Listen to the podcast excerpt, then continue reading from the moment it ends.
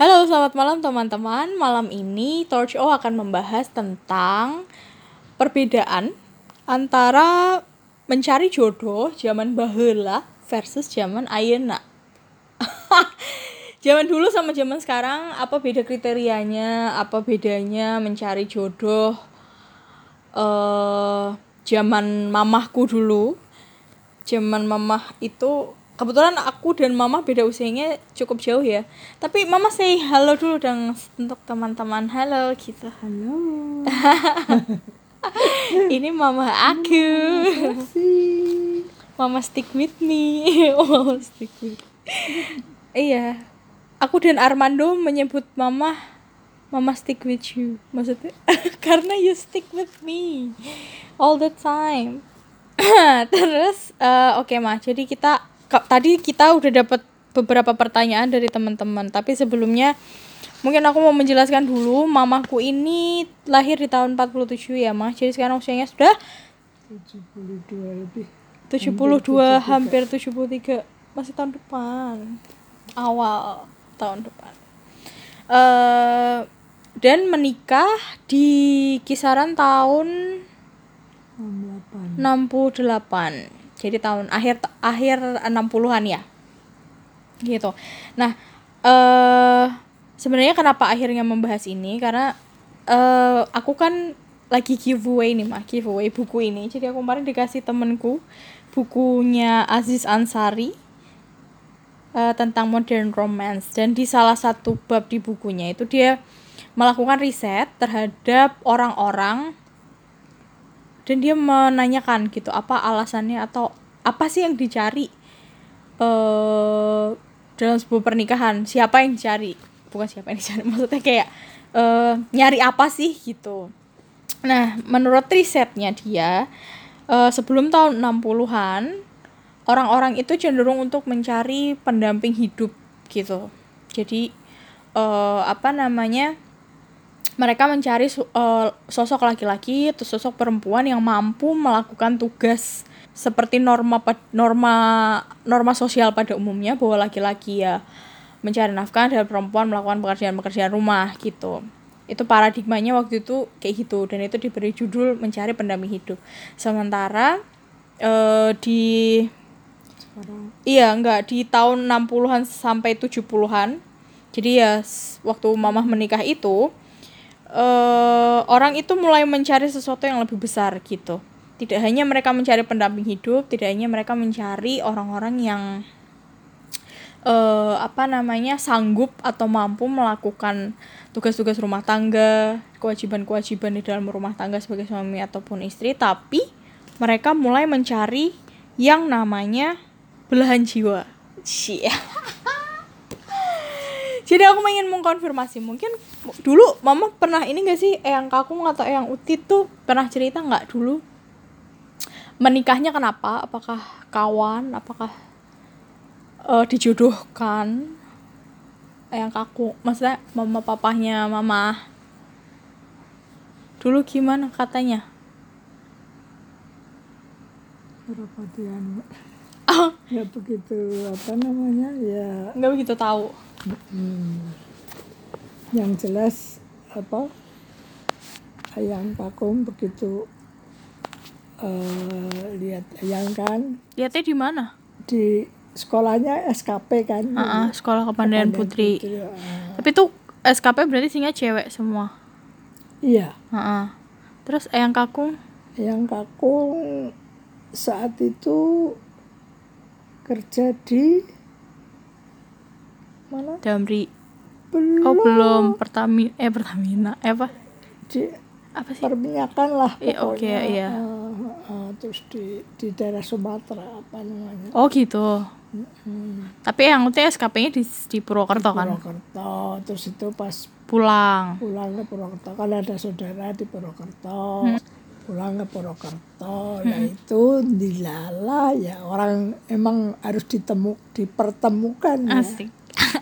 Iya iya. SKP-nya itu di daerah Cikebrok Mm-mm. Ya. Daerah Cikebrok, oke. Hmm, Purwokerto itu terus, Terus ketemu. ketemu kok yang kaku terus jadi menyelidiki Cie. mana tuh rumahnya Oh, jadi jatuh cinta pada pandangan pertama gitu ya. Kayaknya gitu ya. Terus habis itu dicari. itulah mm, Wow, menarik. ternyata di Kali Bogor Terus, habis Terus- itu itu nikah yang kakung yang itu nikah tahun berapa? 40 46 46. Oke. Oke, jadi terus akhirnya menikah gitu ya setelah eh, berkenalan. Langsung ditemu gitu? Enggak. Hmm, ya orang tua antar orang tua kan biasanya Oh, gitu. kayak zaman dulu Langsung mesti didodok lawangnya. mm, Wah, mantap. pintu Oke, padahal waktu itu waktu menurut risetnya si Ansari ini eh apa namanya di di tahun sebelum tahun 60-an ya mungkin tahun 40-an juga itu adalah eh, masa-masa di mana orang mencari pendamping hidup saja gitu. Nah, sekarang kisah cinta mama aja. Apakah mama menyetujui statementnya si Ansari ini bahwa orang-orang yang menikah setelah tahun antara antara tahun 60 sampai tahun 70-an itu mencari tidak hanya sekedar pendamping hidup tapi juga mencari belahan jiwa. Mama setuju nggak? Apakah papa adalah belahan jiwanya mama menurut mama? eh mama kan kenal papa semenjak masuk SMA Oke. papa kelas 3 mama kelas 1 terus eh, selain itu kita nyanyi aku masih SMP malah Oh, oh ya Udah kenal. SMP ya sampai kelas 3 berarti. Iya. SMA kelas Papa 1. SMA. Eh, kelas 2. kelas 2 itu suka nyanyi bersama dia punya trio Oke. nggak tahu kenapa saya diminta untuk sebagai penyanyi solonya Kenalnya di mana itu anak SMP sama anak SMA? Mama tuh dulu gaulnya Lu- gimana? lumayan dekat soalnya kita berenang juga bareng Waduh, oke. Ilangan Tirto Mm-mm. Terus enggak penasaran aja gitu kan kayak t- apakah tiba-tiba eh disamperin gitu mama waktu berenang eh cewek kenalan yuk gitu apa gimana? Ya Oh enggak. waktu itu Pertama kali, pertama kali ketemu. Ingat nggak? pertama kali ketemu ya aku SMP 2 papa SMA Dua. 2 Mm-mm. terus kenal ketemu juga di Kenalnya gimana? ya biasa anu jalan di Disamperin. tut tutke Tiket dulu call. ya di Oh gitu. diikutin dulu Oh terus my lama-lama god, my dad was a stalker. Terus terus terus. lama-lama nututi kan Ah, ah. nututi kan di depannya berarti Oh, oke. ya udah kita kita ya jalan jalan aja kalau sekolah kan jalan dulu mama Iya iya. suka berangkat jam 6 udah berangkat dari rumah Terus memang suka jalan tadinya dianterin waktu kelas 1, kelas 2 gitu jajan sendiri kadang bersepeda. Sama-sama.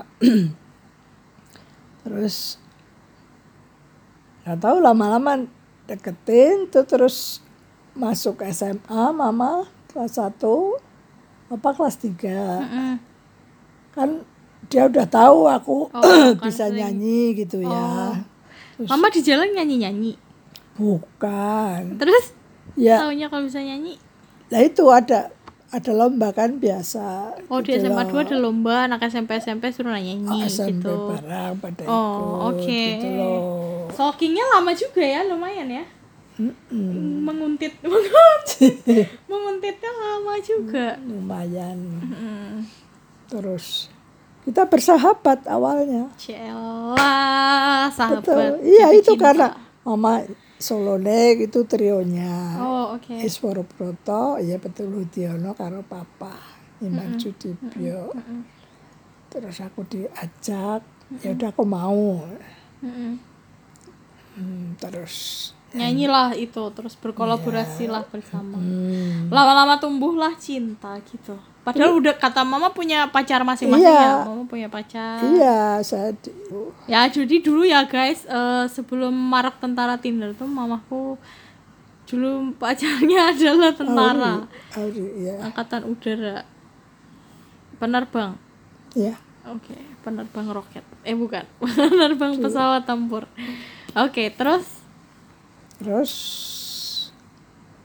eh lama, putus enggak lama lama-lama itu kan tetangga rumah. Itu yang penerbang kan kita ketemu jarang kalau Oh yang iya, temen SMA kan doang, iya. Ya, kan kalau cuti aja paling ya ketemu. Kan nggak bisa dong. Anu. iya benar terus Hmm, Terus ya itu masih terus rumah no jalan soko kulino. kulino terus no jalanan ra ono Bukan ya, belum belum ada perasaan sama sekali Oh, Wong. well, Iya, kan oke. karena aku udah punya pacar gitu loh. karena oh, karena sudah punya pacar dan karena sudah tahu dapurannya Dapurannya dia. iya maksudnya udah ngerti jelek-jelek kan kalau sama sahabat pasti nggak menyembunyikan apa gimana gitu kan Hmm, tapi tahu pa papa itu putranya Patih Majenang. Itu. oh jadi mama silau karena jabatan Bukan. bukan bukan karena itu. Oke. Apa namanya? maksudnya Ya, dari kita bersahabat. baik-baik gitu. Iya, gitu kalau ya kemudian kan nomor ya itu jadi salah satu kriteria ya mencari pasangan pada Ya. zaman dulu itu bibit bebet bobot ya, gitu bobot, jadi karena bibit bebet. bibitnya dari keluarga baik-baik gitu Iya. Bebet siapa? Bobot bibit bibit apa? Bobotnya dia apa iya masuk kualitas diri gitu ya kali kalau iyalah bobot ya. macam itu. Terus karena pertimbangan itu eh enggak ding. Terus ditembak. Eh terus mama itu baru pacaran sama papa pas kuliah gitu ya. Sama-sama kuliah di Semarang. Di Semarang mama eh, yang kakung di Erlangga Tengah Hmm. Papa di Erlangga Barat? Karena menungguin rumahnya Prof. Prof Humar. Kan, Oke, tinggal jaga mekos, rumah. eh, eh, sama teman-temannya ada dulu Om hansip, Gurit. bukan kan mahasiswa ya daripada kos. Tadinya kan iya, benar kos tadinya kos terus di dekatnya Pak Humar itu. Oh, terus suruh udahlah jagain aja dong anu, kos. daripada dia bayar. Soalnya kan arsi, ad- arsitektur kan arsitek terus anu papa sering ke Pak Umar karena sering dipanggil anu Mm-mm. eh, orang kayak pamer apa jenis ya ininya kok bagus itu pamer. oh loh gambarnya bagus. Kayak desainnya bagus Oke. idenya bagus gitu loh. Pak Umar sangat sangat setuju Mbak papa apa ya? Oh ya. Setuju apa apa mesti jam khotib Hmm, khotib Iya. Oke, singkat kata, singkat cerita. Terus akhirnya? Akhirnya terus aku kan di Erlangga. Tengah kuliahnya di kedokteran tapi masih di samping RRI di Seroja. Oh, iya, oke, dekat cuma nyebrang jalan. Mm, kalau kuliah waktu tingkat satu itu. Terus? Terus yang kadang itu dari Erlangga Barat ke Seroja jalan papa oh mem- mem- membarengi jalannya gitu, jalan bareng ke ya kampus. kadang hmm. Udah, terus Jadi lama-lama kamu- timbul kamunya di lah. Unipuk belum Terus Mama- lama banget, buset. Kasihan nih di friendzonein bokap Oh. gue. bukan ya terus eh anu terus ma mama hanya putus sama yang Oh, putus. eh, Oke. eh, sama yang di Auri itu Hmm. Ter- ya udah terus lama-lama papa intens Oh, datang edan. gitu loh Upaya ya. Bay. upaya ya Hmm. terus terus ya PDKT, PDKT. PDKT Zaman dulu PDKT ngapain mah? Nyamperin ke rumah gitu, ngajak ya ke makan rumah malam. enggak, Oh, enggak. belum ya di rumah situ terus cerita-cerita sama yang kaku Idi langsung ketemu. mepetnya langsung eyang kakung. jadi Iya. mendekatinya eyang kakung Ya kan di rumah cuma ada mama Heeh. sama yang kakung. oh oke terus pokoknya Bersepeda kita. Sepeda bareng. oke terus lama-lama timbullah rasa cinta Ya setelah saya putus sama yang itu Auri terus menerima cintanya papa. Hmm, Di- dinyatakan nggak? Maksudnya kan kalau zaman sekarang kan apa anak-anak muda tuh pada nembak gitu kalau pengen jadi pacarnya terus maukah kamu menjadi pacarku? gitu atau oh kalau papa berani sekali langsung ke eh yang kakung. Yang kakung Bilang apa? bukan bukan gitu. Oh, oh bukan gitu. Eh, apa dalam anu boleh ya dampingi ini. Kan temen dari SMA dulu. Elah. Gitu loh. Wow. Wow. Jadi langsung nembung ke yang kakung Jadi tapi udah- judulnya mendampingi gitu. Bolehkah Iya, saya menjadi teman. asisten pribadi anak bapak gitu? Pokoknya gitulah ya. Hmm, Nah, nah, terus nih, mama itu selalu memberikan pedoman gitu.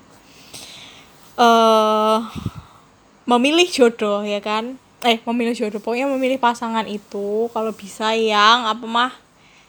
Kalau laki kalau memilih laki-laki, kalau perempuan memilih laki-laki, pilihlah yang benar-benar mencintai kita Oke, karena soalnya kalau laki-laki itu kalau dia benar-benar cinta itu insya Allah nggak neko-neko nggak macem-macem dia nggak akan apa ya Aneh-aneh lah. mengo lah ya gitu Oh, masih nggak akan berpaling ke lain ya hati. kalau memang benar-benar nyayangi terus tahu keluarganya juga Hmm. kan yang itu kalau Damai Semarang yang Kakung Patih Magelang Hmm. gitu loh Jadi berasal dari keluarga yang Iya. sekufu lah ya gitu. maksudnya apa ya Perbedaan strata sosialnya tidak terlalu jauh gitu. iya itu jadi penting juga ya. Tahu orang tuanya kita harus tahu betul orang tuanya reputasinya gitu iya ya apa apa gitu loh. Oh ternyata soalnya Eyang Kakung Majenang itu temennya Eyang Saputro. Eyang Saputro itu kakaknya yang Muti Selamat. Oh oke. Jadi ada relasi juga. Dari waktu di Jatilawang itu udah berteman Hmm, oke dia. oke. Jadi udah tahu. Oh mah gimana kalau ada tiga pria gitu ya? Gimana mama rumusnya dulu tuh yang 90% pokoknya Hmm? yang rumus 90% oh iya. 90% wah gila sih. Nah ini menurutku ini perbedaan yang cukup signifikan gitu. Karena ketika aku menyampaikan ini ke Mas Nuki gitu ya ke kakakku eh, relev maksudnya relevansinya dengan dengan zaman ayeuna gitu. Kalau zaman dulu tuh memang mengukurnya dari seberapa banyak dia mau berkorban. Dan itu dan itu adalah tolok ukur seberapa dia mencintai kita gitu kan. Berapa banyak yang dia perbuat itu adalah apa pun akan aku lakukan. Kan gitu macam itu iya, loh. Iya, iya.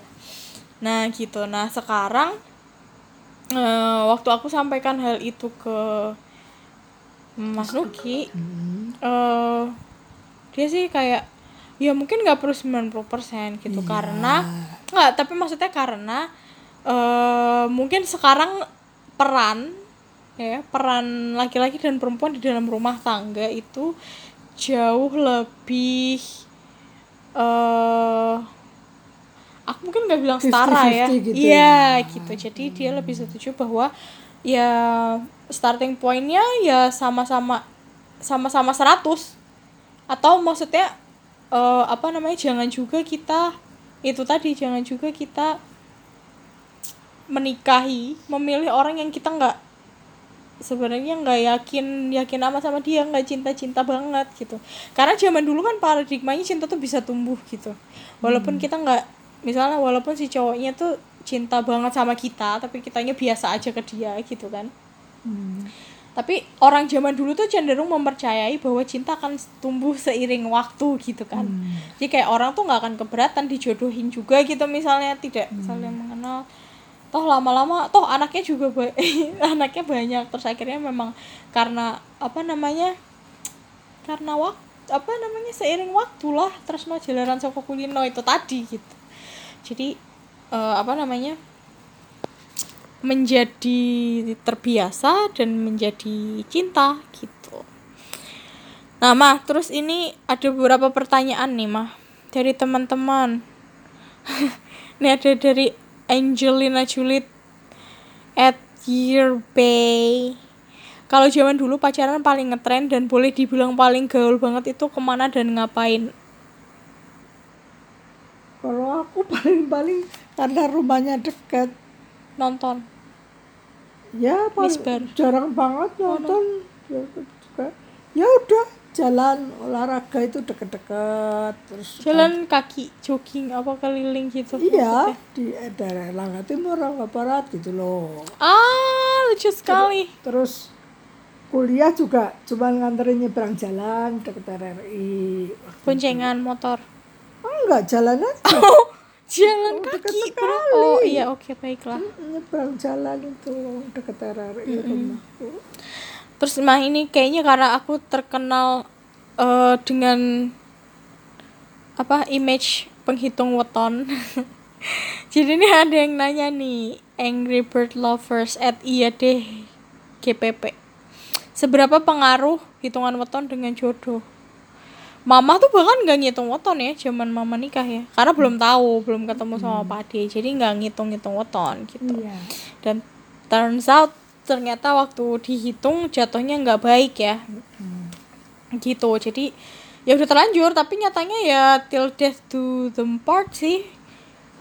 Papa akhirnya meninggal tapi sampai sekarang 22 tahun eh ya 22 tahun setelah papa nggak ada mama masih dipaksa alhamdulillah mau dipaksa untuk tidak menikah lagi ya kan? Yang waktu siapa? Aku. Aku kan? Kan aku nggak mau punya papa baru kan ceritanya. Jadi mama nggak mau nikah lagi. Sebenarnya mama mau. Ada yang mauin ya, gitu tapi loh. mama mau nggak sebenarnya? Ya tapi kan ngapain juga gitu loh anu. Nanti tapi kalau kaya nggak apa-apa lah ya gitu kaya kaya sekali malah. Oh, oke. Oke. Hmm jadi seberapa Rumah pengaruh kalau sekarang mama gitu misalnya. Misalnya nih mama ke aku mungkin mungkin kan kalau itu kan concernnya Pak Dim. Mama sendiri secara pribadi gitu misalnya. Misalnya aku ketemu sama cowok yang aku ngerasa aku cocok sama dia gitu. Hmm. terus ternyata setelah dihitung wetonnya ternyata hitungannya nggak bagus. Hmm. mama apa yang akan mama lakukan? Melarangku untuk meneruskan hubungan dengannya atau kayak ya diupayakan aja? Diupayakan maksudnya kan ada syarat yang bisa apa sih maksudnya kayak ada ritual yang bisa dilakukan untuk menolak bala atau apalah gitu. Mama lebih yang mana? Kalau mama ya tetap akan menanyakan ke Pak D anu gimana kalau gini terus sebaiknya gimana gitu akan seperti itu hmm, oke tapi nggak suruh langsung putus anaknya yang ke kenapa Loh, ya karena keburu dulu. tua ya oh enggak yang kok gitu Oh enggak gitu, oke. Oke baik. Terus ada nih, Covid kan untuk seumur hidup Oke. hidup, hidup banyak gitu loh alright. Terus ini ada lagi nih pertanyaannya, pengalaman dipegang tangannya dulu dan sekarang. Sekarang udah nggak ada yang dipegang tangannya nih, mohon maaf karena bapaknya udah nggak ada. Nggak, soalnya aku pernah cerita dulu itu apa waktu aku pertama kali pacaran, mama tuh kan pernah ngomong sama aku apa kalau nyebrang jalan biasa aja nggak usah pegangan kayak truk kan gitu mama bilang. Kalau zaman dulu apakah pegangan tangan itu sesuatu yang dilakukan dengan curi-curi karena itu sesuatu yang tabu pada zamannya gitu kayak wow sebaiknya kalian eh, walaupun berpacaran tidak usah melakukan kontak fisik apa pun gitu atau gimana? Ya kalau mama bilang sih yang kakung yang waktu itu nggak se anu itulah. Kaku. Iya maksudnya nggak se keras. pen- sekeras itu karena udah tahu Oh, gitu. orang Jadi tuanya papa siapa. gitu ya. Nggak ngomong, nggak usah pegangan tangan kayak truk aja gandengan Nggak gitu. usah, oh enggak. Berarti mama kenapa galak banget terusnya sama aku? Loh, bukan bukan gitu Terus gimana? justru zaman sekarang itu Oh, kan oke. ngono, Kenapa. Mah? lah lah gue pirang-pirang wong keprimen keprimen lama Keprimen, keprimen Apa ya? Terus jadi eskala apa sih maksudnya? Mengeskalasi gitu. Pertama pegang tangan terus pegang yang lain-lain gitu. Nah, mau, mau ke banjur oh mau sebelah. kapan oke. Eh, apa namanya? Terus ada lagi nih normalita pasca. Normalita gupta gupita. Tentang itu dong bahasa yang katanya anak barep nggak boleh sama barep juga kalau nggak salah sih. Nggak apa-apa ya Iya, se- mungkin sih karena egonya mungkin sama-sama gede karena anak barep gitu. Kalau orang Jawa tuh kan idealnya barep dapat tragil gitu karena tumbuh oleh tutup gitu. Kan kayak di hitungan weton juga kalau kalau emang bener eh apa sulung dan bungsu itu memang nggak usah dihitung wetonnya. Nah, kalau emang anak barep sama anak barep ya mungkin dihitung aja wetonnya siapa tahu cocok dan banyak juga kok masa yang anak ragil sama anak ragil anak barep sama anak barep gitu. Nggak ada masalah. Terus ini ada lagi nih yang aneh nih Mu- Ed Mustika ribut. Mbak Sas nikah nggak boleh kalau huruf depan tempat tinggalnya sama. Gimana tuh kalau menurut mamanya Mbak Sas? Emang pernah dengar nggak mah enggak tuh. Kita tuh gak kita apa ya? Mamaku sendiri mungkin kalau nggak ketemu Pak D ya mah kalau nggak ketemu Pak D mungkin nggak bukan bukan orang yang akan mempertimbangkan hal-hal kayak gitu ya. Karena yang yang masa kayak dari dari sisi papa maupun dari sisi mama tuh pertimbangannya ini ya. Pertimbangan logis lah maksudnya kayak gitu tadi bibit bebet puput yang penting kita tahu orang tuanya orang baik-baik gitu kan berasal dari keluarga baik-baik dia juga orangnya baik gitu terus ada lagi nih dari Ed Busi Iridium PDKT termurah zaman dulu versus zaman sekarang mbak. PDKT termurah. Itu tadi nyokap gue jalan doang bray. Diikutin loh di stalking literally di stalking. Dikuntit jalannya diikutin. Agak creepy sih cuman mungkin kan karena anak sekolah ya nggak mikir macam-macam gitu. Tapi PDKT mungkin mengajak bicara ngajak ngobrol tuh. Nyatanya tadi yang diajakin ngobrol malah eyang kakungku malah malah papahnya mamahku gitu. Terus eh, kencannya juga jalan keliling jalan loh. Can you find something cheaper than jalan kaki gitu kan? Zaman sekarang you still I think you still can do that aku ada beberapa kali sama match Tinder walaupun aku aku juga tidak merasa dia sedang PDKT but we did we did walk together. Kita jalan gitu. Eh, waktu itu pas di Jogja sih jadi keliling ke Taman Sari gitu karena kebetulan rumahku deket Taman Sari jadi kami jalan keliling aja gitu sambil ngobrol. Gitu jalan men. Dan aku menurut kok itu eh, apalagi kalau trotoarnya bagus gitu ya maksudnya cukup lebar heeh, gitu. Tempat jalannya nyaman. Apa jalan pelan-pelan sambil ngobrol tuh asik gitu heeh. itu tuh sesuatu yang bisa dinikmati gitu. Terus terus. Kayak ya itu itu doang sih thank you ya teman-teman pertanyaannya. Terus jadi kesimpulannya pada hari ini adalah perbedaan kriteria mencari jodoh. Kayaknya mungkin kalau perbedaan itu tetap itu kayak dari dulu sampai sekarang diugemi lah ya bibit bebet bobot gitu. Cuman cuman sekarang aku melihat lebih banyak fenomena eh, orang yang udah nggak ngeliat orang tuanya. Maksudnya kayak sebenarnya mungkin dia orang biasa-biasa aja gitu tidak bu- bukan bukan orang yang punya jabatan gitu. Sekarang lebih banyak terjadi pernikahan di dua strata sosial yang berbeda gitu ya mah.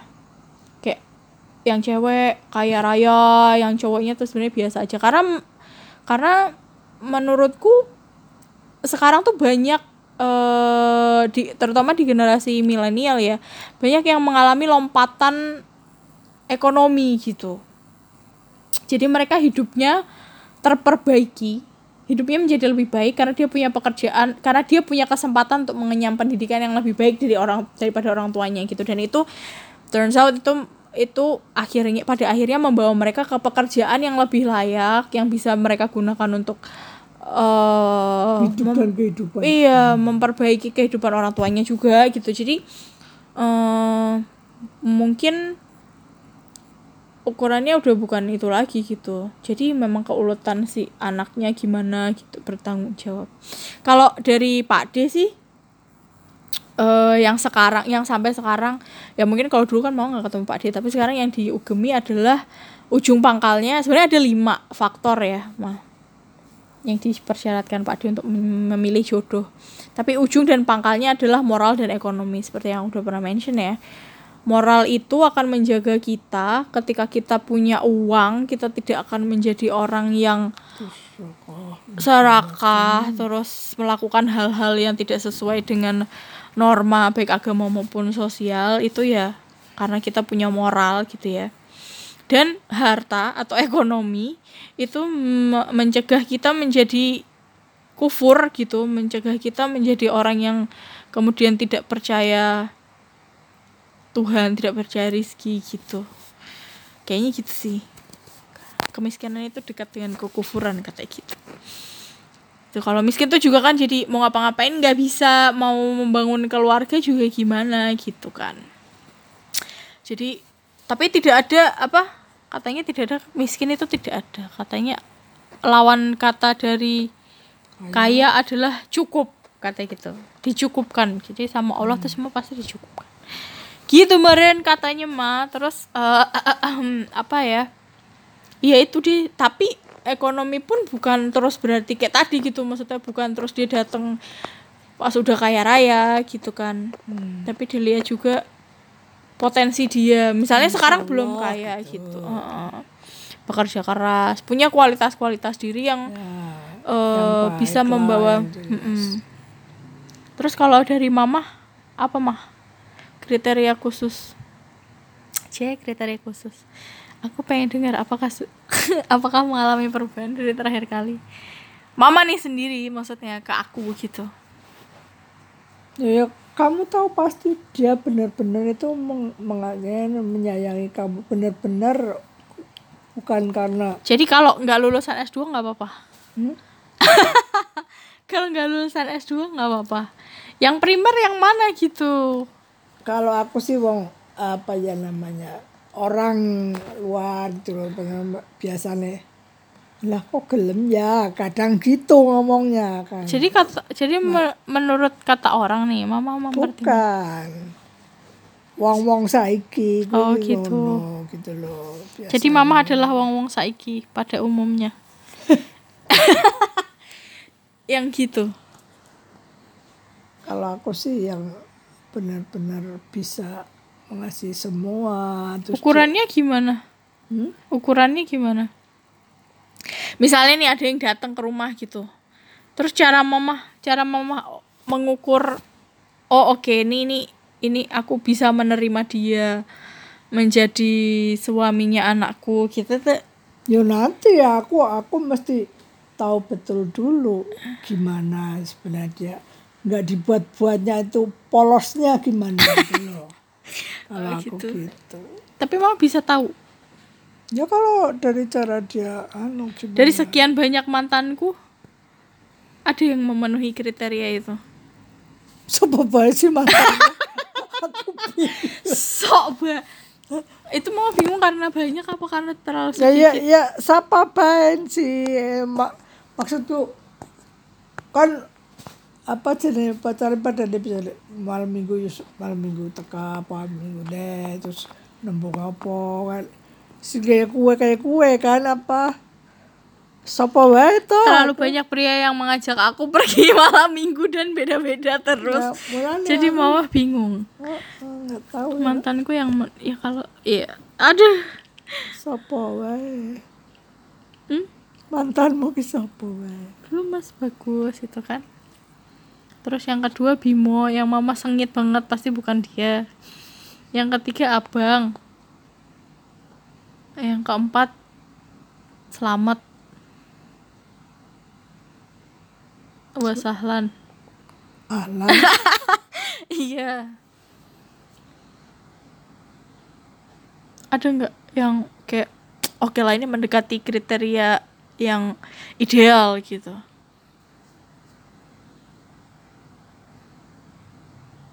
krik krik krik aku kalau bagus karena orang tuanya mama tahu gitu Uh-uh, ya jadi ya karena pacarannya lama banget gila kali dua setengah tahun.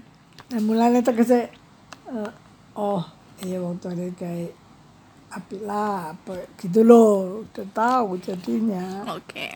Selain itu emang belum pernah kenal sih. Jadi kayak nggak apple to apple gitu ya selain itulah maksudnya dari sikapnya dia aja aku lali kan aku nggak mau menikahi bapak ibu Iya, walaupun bukan. walaupun ya bener aku sih lali kan gitu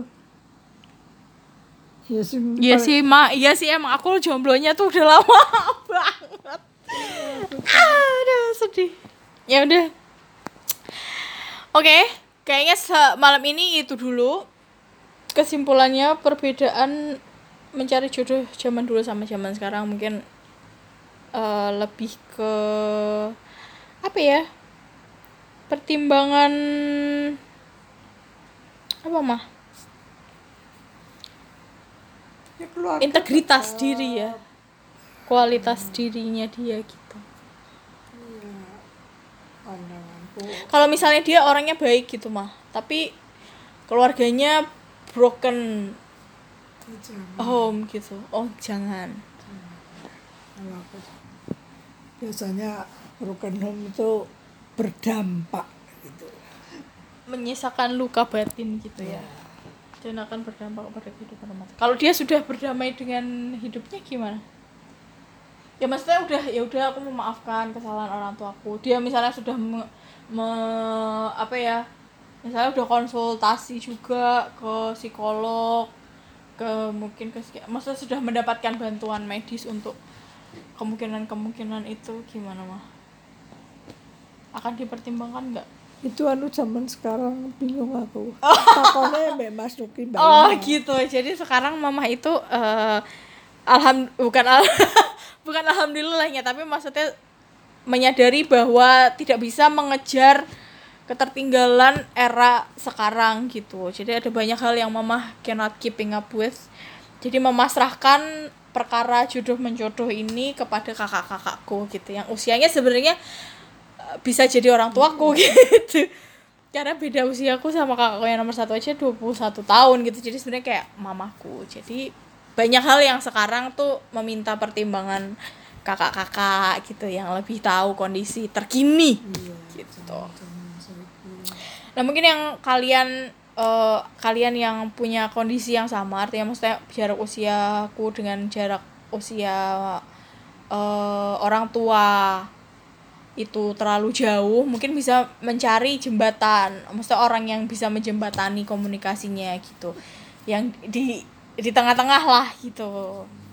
Untuk bisa mengkomunikasikan sebenarnya value-value apa aja yang udah berubah zaman dulu sama zaman sekarang kayak gitu. Jadi saranku eh, kalau orang tuanya kolot tuh jangan jangan apa sih jangan tambeng dulu jangan apa jangan membangkang dulu gitu. Tapi cobalah mencari penjembatan itu tadi untuk berkomunikasi sama orang tua kita. Karena mungkin bahasanya beda gitu ya.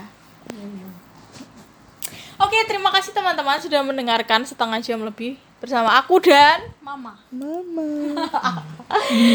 Thank you sampai ketemu lagi di podcast selanjutnya di talk show bye bye